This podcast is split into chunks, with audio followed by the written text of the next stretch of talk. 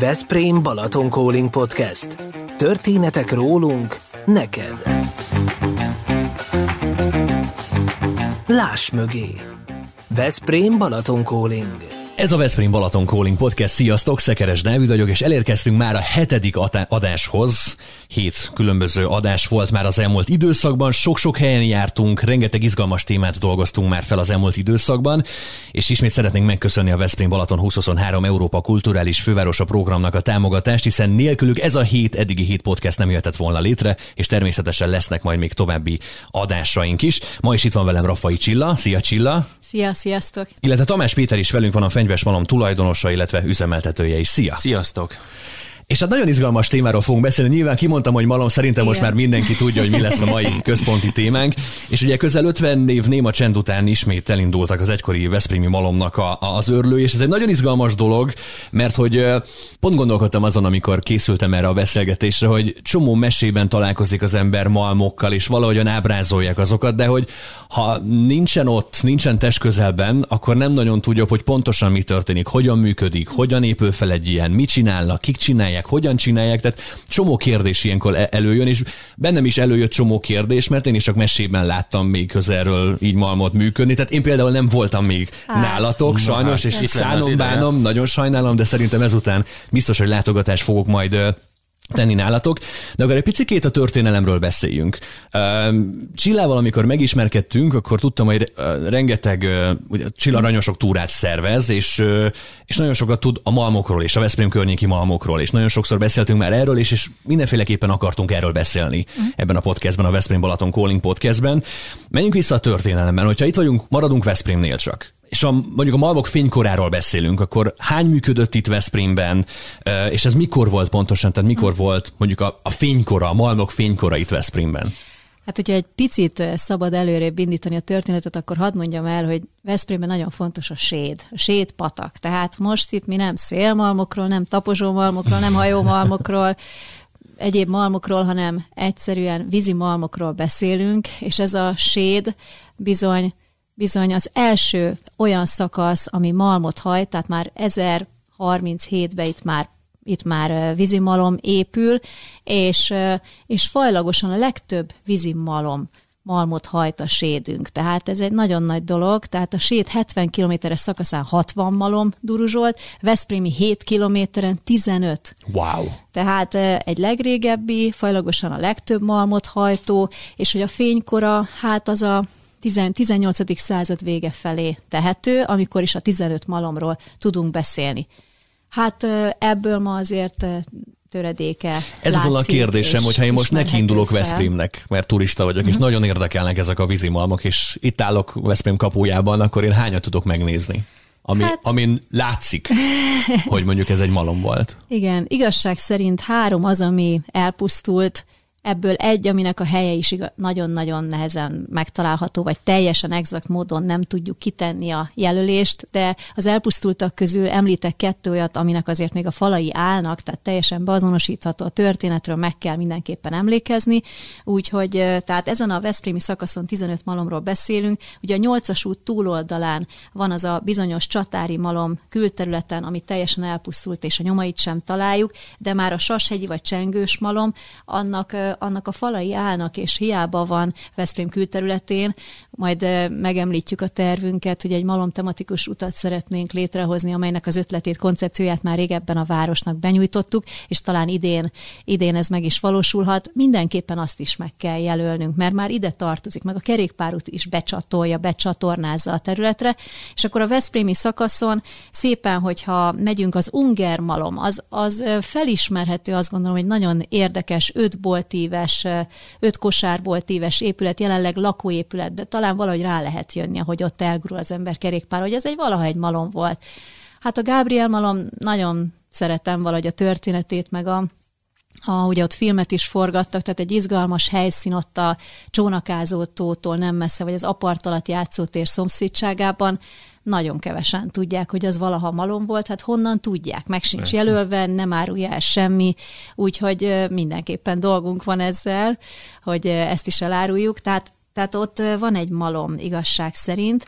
Hát, ja, kihagytam talán az élő malmot, ami ugyancsak lakóház, ahogy kanyarodunk a egykori kuticsárda, kiskuticsárda mellett volt, élő Gyuri bácsi, tehát lakóháza és malom épülete, azt is nehéz felismerni igazság szerint. Tehát most mondjak olyat, ami most már tényleg felismerhető, tehát itt a, a Frick frik malom lenne talán az, az egykori káptalan kismalma, frik malom, ácsmalom, majd erről is érdemes beszélni, hogy hogy nevezték el a malmokat. A fricska étteremlakás melletti jelenleg Szeparé névre keresztelt vendéglátóhely. Hát szerintem arról azért úgy lejön, hogy malom, tehát arra, hogyha ránézel, akkor biztos, hogy valami beindul, mert úgy elképzelhet, hogy van két malom kerék, pontosabban két kerek kivágás, hát nem a malomkerék, hanem a tengely, a ger- molnár nyelven a gerendőnek a helye látszódik látszódik, vagy ott van rajta a vízjogi jel, és azok a gyönyörű oszlopok, tehát azért látszódnak. És akkor most szépen így folyás irányba haladunk lefelé, és hát érjek el már hmm. ugye a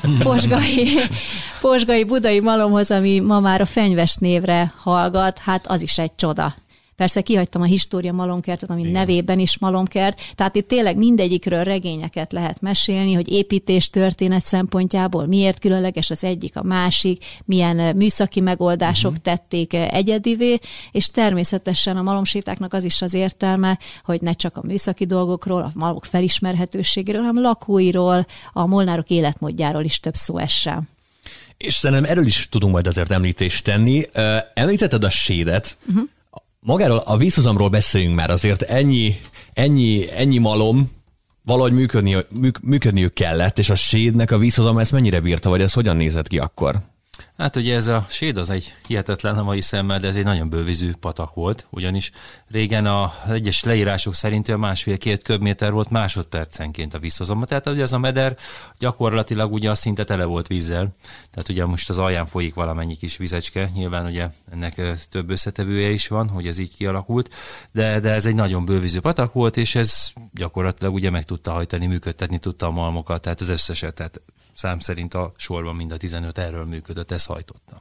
Pont ezért kérdeztem, mert ha ma ránézünk a szegény sédre, akkor mm. nem, nem nagyon tudjuk elképzelni ezt az egészet. De akkor itt megvan a válasz, hogy azért Talán, ez sokkal bővízűbb volt. Igen. Igen, meg tegyük hozzá, hogy nem csak a séd a fontos, tehát séd, mint fontos vízfolyam, Igen. de a malom csatornák már nem látszódnak. Igen. És a malom csatornákat kellett végül is duzzasztani ahhoz, hogy az őrlés megkezdhető legyen. Igen. És a, a közösségről is beszéltem, mint a Molnárok közösségéről. Egy picit ebbe is adsz nekünk betekintést, Csilla? Hát a molnárok céhekbe, ugyanúgy, mint hasonlóan a csapók és más szakmák céhekbe tömörültek, ez nem az idők kezdeti szakaszától, hanem inkább a törökök után volt jellemző, tehát Veszprémben a Molnár cég 1708-ban indult. Nyilván ez egy fontos szakmai közeg, egy fontos közösség, akik egymásért is felelősséget vállalnak, összetartanak, és nyilván ad egy minőségi garanciát is. Tehát ez, ez nagyon fontos minden szakmában, meg erről is beszéltünk, hogy kik laknak a malmokban, hogy lesz valakiből inas, utána segéd, majd molnármester, ezeknek nagyon fontos lépcsőfokai voltak, és nagyon kemény megmérettetések voltak, hogy valaki az egyikről a következő fázisba juthasson. Fizikai tudás is kellett hozzá, és hát bizony anyagi vonatkozás is kellett hozzá, mert például Molnár legény, vagy Molnár mester az lehetett, aki elkészítette a mester remeket is, igen, vagy remekművet, remeket, és még meg tudta vendégelni is a céhes Pontos társaságot. Volt, Tehát itt, hogyha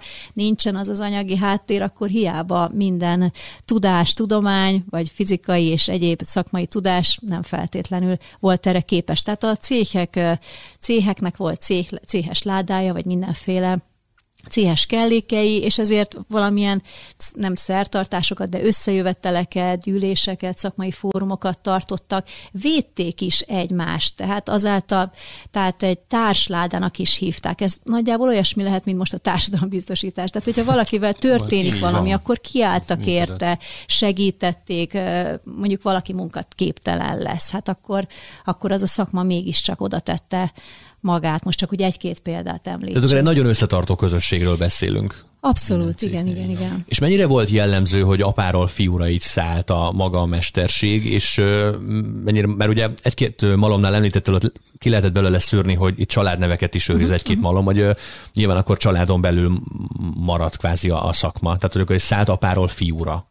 Hát most akkor válasszunk ki egy-két malmot, és nézzük meg, Jó. hogy milyen neveik voltak hogy mondjuk kiválasztjuk a, a robozmalom, ami a Veszprémieknek ismerős lehet a régen Hefa épülete, most egy sportklub működik ott, ahol talán fallabda és egyéb Igen. fitness programok érhetők el. Az régen egy kalló malom volt, kalló posztó malom posztógyár, hát ott a neveket, ha megnézzük, ugye robozmalom, fehérmalom, most nem biztos, hogy a sorrendet jól mondom, Veszellipót, Fehér Sándor, Fehér Sándor fiai, és állami, állami szövőüzem. Tehát egyszer-kétszer találkozunk ezzel, most például itt van Fehér Sándor, és utána két fia van, az egyik fiú marad ebben a posztóüzemben, a másik pedig a puskás malom kezelésére bízza, kezelésével bízza meg a Puskás Malom, az a Betekincs Hotelnek az apartmanháza vele szemben. Tehát van ilyen, vagy a Frick családnál, Frick Mihály, Frick Kálmán, vagy például a Friedler, Friedler családnál is találunk ilyet. Az élő családnál, élő Gyuri, Gyuri bácsival beszélgettem régebben, úgyhogy most már meg kell majd őt ismét kérdeznem, hogy hogy van, és meséljen nekünk a malmokról, hogy ott a család öt malommal rendelkezett, nem Veszprémben, hanem kettő Veszprémben, Márkon és itt a környéken. Hát ott, ott persze, hogy fontos volt, hogy, a, hogy generációról generáció szálljon, hogy hát több malommal rendelkezzen, és azokat üzemeltetni is tudja. De igazság szerint én olyannal most nem nem emlékszem, hogy találkoztam, ahol még több generációra vonatkozóan ugyanaz a család uh-huh. birtokolta volna a malmot, tehát több száz éven keresztül. Tehát azért itt változások voltak, lehet, hogy csődbe mentek, és esetleg elárverezték a malmot, tehát nagyon sok malom rengeteg, rengeteg tulajdonosnál járt, rengeteg tulajdonos kezén megfordult. És uh, ugye eddig beszéltünk kvázi a malmok fénykoráról, hogy ez mikor volt. Nyilván akkor valószínűleg ez volt egy minimális hanyatlás is, amikor így elkezdtek igazából elfogyni. Nem ez, minimális ez, ez, ez, ez, hogyan, ez hogyan történt, miként történt, és mm. mi lehetett a kiváltó ennek? Majd Péter egész is ki, de nekem, ami beugrik először, az az államosítás. Tehát az, ez nagyon-nagyon drasztikus, egyik pillanatról a másikra, tehát ez, ez, ez egy év alatt lejátszódik az 50-es évek elején, és le kell állítani, megszüntetik, szinte bedarálják, a gépeket leszerelik, eltüntetik, megsemmisítik, és ez egy hatalmas, hatalmas, hatalmas törés és óriási veszteség nyilván nem csak Veszprémben, hanem az egész szakmának. Hát az egész ország. Ugye meg a gazdasági világválság, még a 29-es világválság, Igen. ami nagyon nagy, az is egy ilyen vízválasztó volt, ugyanis rengetegen gépfejlesztésekre hiteleket vettek fel, nyilván ugye dolgoztak, tud, annak reményében, hogy ezt tudják akkor, még hogy tudják ezt törleszteni, és hirtelen ugye elértéklenedett az akkori pénz, és akkor ez nagyon sok malmot és malomtulajdonos vita csőd szél, és tönkre is mentek nagyon sokan. Mm.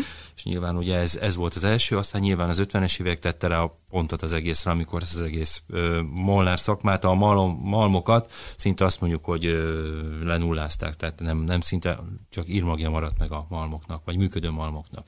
Uh-huh.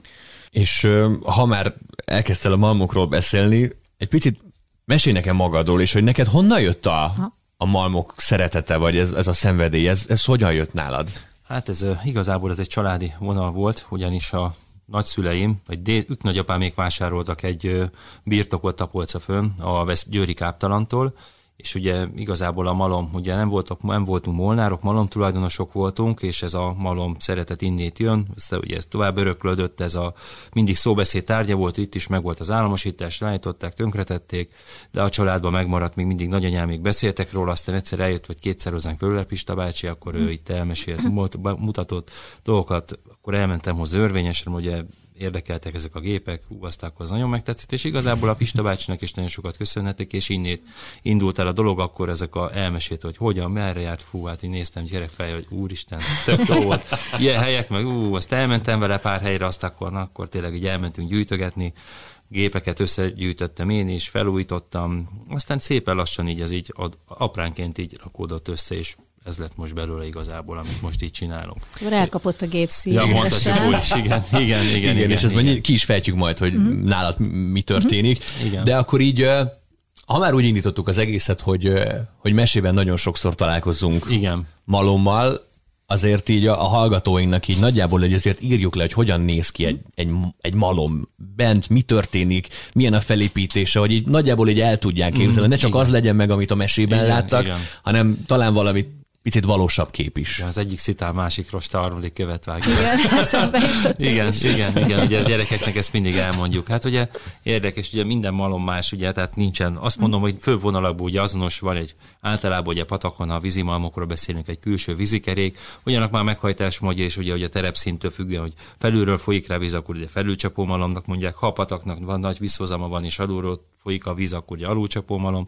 Ha már egy modernabb és nagy, jó felszerelt malom, mint a miénk például, akkor ez egy turbinás, tehát a nagy vízhozam volt régen.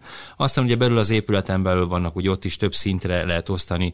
Ugye általánosságban az szokott lenni, hogy van egy alsó malom része, ahol ugye a hajtástechnika van, a hajtórendszerek, akár szíjak, fogaskerekek, vannak középső szinten, ahol van maga az őrlés, a szit, az őrlés, a tisztítás, tehát maga a lezsákolás, tehát egy, általában ez így szokott történni, és a harmadik szinten pedig ugye a sziták vannak, a, a nagy tárológaratok felső részei, felső, ott is van egy nagy felső hajtásrendszer, és akkor igazából a, ebből a három szintből áll össze, és akkor ezek között ugye vala, kisebb, kisebb malmoknál, kisebb visszhozamú malmoknál általában ugye ott Molnár mindig, tehát nem volt így automatizálva, vagy félautomatizálva, hogy ilyen általában mindig vállon vitték, és bizonyos szakaszokat tettek, meg csak az örlemények, tehát utána újra fel kellett önteni. Tehát ez egy kemény fizikai munka volt. Nyilván a nagyobb malmok, nagyobb teljesítményű malmoknál, ahol már modernizálni tudták a gépeket, ott meg már azért sokkal könnyebb volt a idézőjelben Molnárnak a feladata, tehát ott már a gépek tudták akár az örleményeket mozgatni.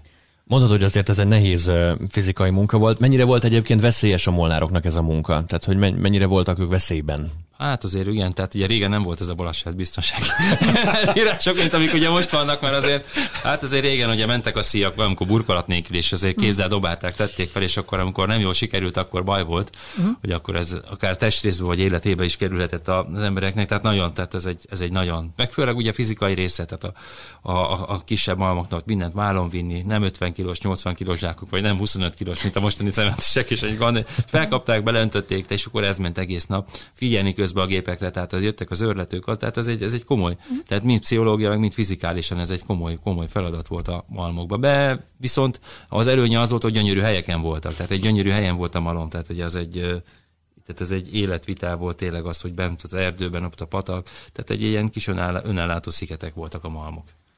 És uh, napi hány órát dolgoztak, vagy hány órát dolgoztak ott a molnárok a, a malomban, vagy ez hogy nézett ki? Hát itt 24 órában ment a malom, tehát nem volt megállás. Nem úgy volt, hogy 8 után leakadt.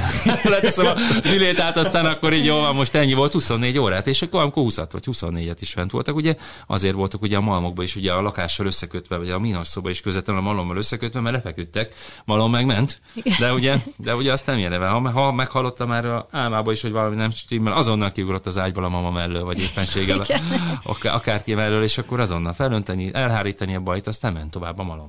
És nyilván ez vízimalmoknál érdemes Így van, most erről ugye, beszélni, nyilván, igen, mert most szélmalomnál csak a fúj a szél. Persze, hát ugye... Ha összehasonlítjuk a vízimalmokat, meg a, meg a szélmalmokat, milyen különbséget lehet még esetleg tenni hát, közötte. Hát a hajtásrendszer az mindenképpen egy teljesen más hajtásrendszer, meg nyilván a szélmalmoknál is ugyanúgy volt, hogy ott is résen kellett, mm. mondjuk a szélnek megváltozik az iránya, azonnal ugye fordítani kellett el az egész tetőszerkezetet a vitorlát szélirányba, és akkor utána menni kellett, mert mm. nem várjuk meg mondjuk egy hétig, akkor mondjuk most nem fogy abból az irányból a szél, akkor most így, tehát ez folyamatosan mindig ugye követ, követni kellett az egésznek, a, hogy működjön az a malom. És ha már szélmalom, hogy, hogy nem terjedtek el itt a környéken például a szélmalmok? Hát ugye itt vizek voltak, ugye meg volt a patak, ugye itt ugye Csilla mondta, ugye a séd, ugye ez egy bő, tehát régen egy nagyon bővízű patak volt, tehát az ö, biztosította azt a hajtóerét, nem volt. Ugye itt Veszprém is, hogy mindig mondják, hogy volt szél, de ugye itt meg meg Ezt volt a. Kérdezni, itt mindig fúj a szél Veszprémben. Igen, harangoznak, igen. tehát, hogy, hogy, hogy mégsem lett itt szélmalom. Ez, mert ugye volt víz, és hogy a vízimalomnak volt egy ilyen kultúrája, mm. tehát én, én arra gondolok, hogy volt egy kultúrája, hogy ez egy ősi mm. dolog volt, és ugye meg volt ez a teljesítmény, meg volt az embereknek, meg tudták itt törölni a gabonáikat, nem volt, nem kellett más opciót keresni. Ugye? Hatékonyabb is volt, még jobb minőséget igen, is lehetett igen. előállítani. De szerintem érdemes megemlíteni Tést, mm. ahol nagyon közel van. Igen. Most néztem pont a belépő egy 300 forint. Tehát döbbenetes, szerintem mindenkinek meg kell Igen, nézni azt. A, egykor ott három, három malom Igen. volt, most kettő látható, az Ozi és a Helt, és a Helt az be is indítható lenne Igen. akár, tehát teljesen tökéletes malom. És hát a Tési fenséken nyilván nem tudtak vízi malmot Igen. építeni, Igen. tehát fizikai akadályai lettek volna. Igen, ott mondjuk volt egy száraz malom is még, ugye azt, azt, azt, azt, azt megszüntették, de uh-huh. igen, tehát tény és való, tehát a, amilyen lehetőségek voltak, mindig ahhoz mérten építették ki a hajtóerőt.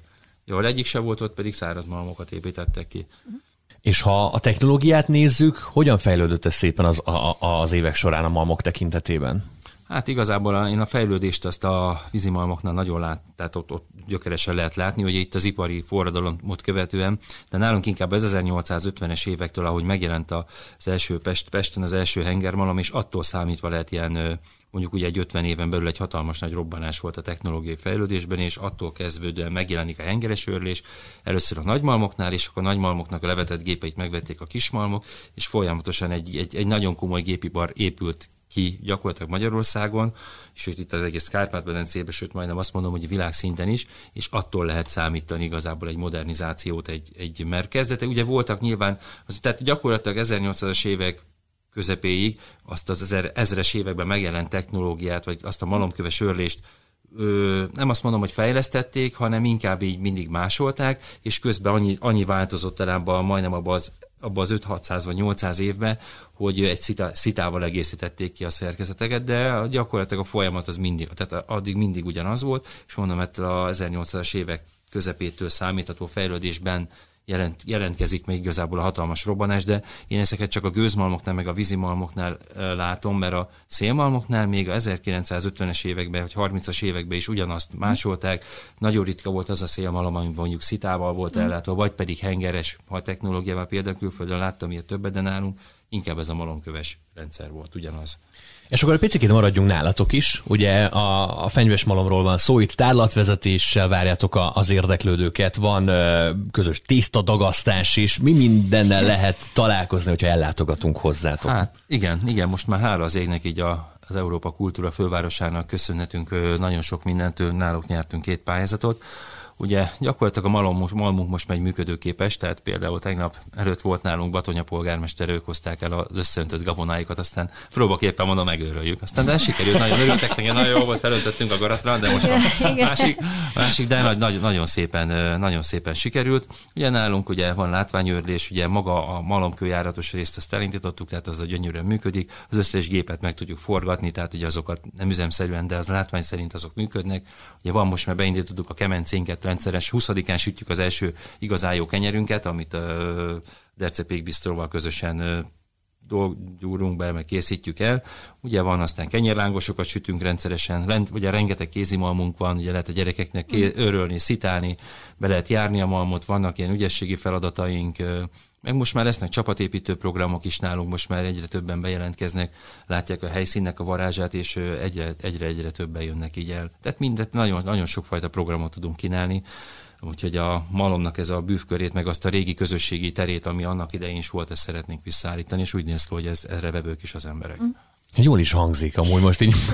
én, én, én is nagyon szívesen mennék majd erről még beszélünk tényleg, és ha már beszéltünk egy picit az ételekről, miben, miben más egyébként, akár mondjuk, ha most csak egy kenyérről beszélünk, egy frissen őrölt, lisztből készült kenyért, amit, kenyeret, amit megsütök, és mondjuk az, amit mondjuk megveszünk valahol. Tehát, hogy mi, miben tud az más nyújtani egyébként nekünk? Hát ugye maga ugye az, hogy az alapanyag ugye az egy jó minőségű búzából megőrült alapanyag, benne van a színejava, gyakorlatilag minden.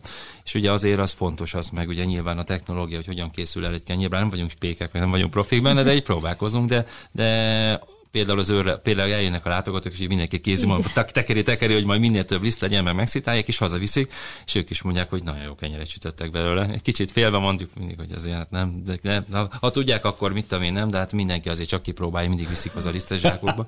és aztán így megsütik, megcsinálják, és mondják, nagyon jó. Úgyhogy aztán most ezért ebből az apropóból mi is majd próbálunk meg sütünk majd. De abszolút reformját éri. Nagyon-nagyon uh-huh. jókor és fontos ezzel foglalkozni, hogy Veszprém tényleg kerüljön fel, most már abszolút Igen. ezzel a malommal felkerül ismét a malmok térképére. Tehát hiába mondjuk mi ezt elméletben elmondhatjuk, hogy 15 malom volt, de mire megyünk vele, hogyha nem tudunk tényleg belépni egy működő malomba.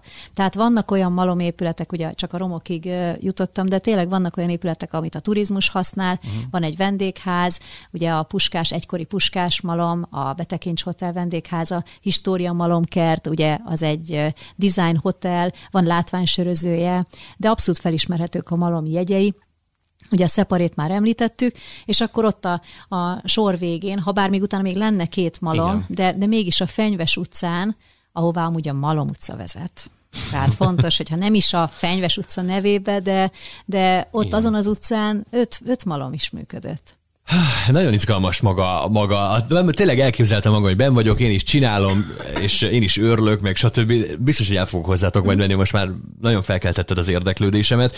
A másik pedig, amit ugye Csilla említett, ez a kvázi malmokat összefoglaló túra, amit hát akkor várunk nagyon, és hogy azt mondtad, hogy azért reméljük, hogy idén ez ez menni fog és működni fog. Tehát két dologról beszélünk. Van egy rendszeresen meghirdetett garantált sétánk, ami a malomsorsok a séd mentén ismétlődik most már nem is néztem meg hány éve, de három-négy éve biztosan működik. Hát amíg még nem tudtunk elmenni működő malomba, azért addig is voltak látnivalók, meg érdekességek, de most ez egy nagyon nagy dolog, és abszolút koronát tesz a programra, hogy bemegyünk, és minden, ami addig csak, csak fotón mutattam, és elmeséltem, próbáltam bemutatni, ott mégiscsak megelevenedik. Tehát ez meg egy nagyon tapintani. nagy dolog. Tehát ez egy létező séta, amire jelentkezni lehet és érdemes, és amiről még említést tesztünk, az pedig egy önállóan bejárható tematikus út, ahol pedig megjelöljük az egyes malmokat, hát ezt így, így pár éve ja. elgondoltuk, és Igen. beadtuk ezt az ötletet, úgyhogy reméljük, hogy ez akkor most már megvalósul. Ez meg azért fontos, hogy az ide látogató bármikor napszaktól, időjárástól függetlenül, vagy ha indul séta, vagy nem indul séta, akkor is megtalálja, be tudja azonosítani. Tehát ez egy plusz turisztikai attrakció, ami, ami nyilván egy nagyon fontos dolog, főleg, főleg eh, mostanában. Meg főleg, hogy egy ilyen, tehát egy ilyen múltat tudsz igazából igen, végig igen. sétálni, amit, amiről az elmúlt 25-30 percben beszéltünk, azt kvázi akkor meg tudnál nézni, lenne hmm. nyilván hozzá valószínű valamilyen igen, ismertető, igen. mindenhol kint lenne. Én ezt, ennek nagyon örülnék én is, én is bejárnám, ebben biztos vagyok. Köszönöm szépen ezt a beszélgetést, én nagyon-nagyon jól éreztem magam, és biztos vagyok benne, hogy még azért tudnánk bőven beszélni a, a malmok mindennapi működéséről, történelméről, és tehát ez is csak egy rövid áttekintés volt, tehát sokkal hosszabban tudnánk erről beszélni, és lehet, hogy majd folytatjuk egyébként egyszer. Én nagyon köszönöm neked is, Péter, hogy itt voltál velünk. Neki, hogy eljöttünk. És hogy mindezeket elmondtad. Csilla, neked is nagyon köszönöm, hogy itt voltál ma is. Köszönöm. És köszönjük a Veszprém Balaton 2023 Európa Kulturális Fővárosa programnak is, hiszen nélkülük a mai podcast sem jöhetett volna létre, és legközelebb várunk természetesen mindenkit egy újabb izgalmas beszélgetéssel. Megtaláltok minket az összes felületen, tehát megtaláltok minket Spotify-on, iTunes-on és az összes podcast felületen és streaming platformon meg tudtok minket hallgatni, de természetesen YouTube-on is hallgathatóak vagyunk, és érdemes minket követni egyébként Facebookon is, ott is várunk mindenkit. Én Szekeres Dávid voltam, legközelebb találkozunk.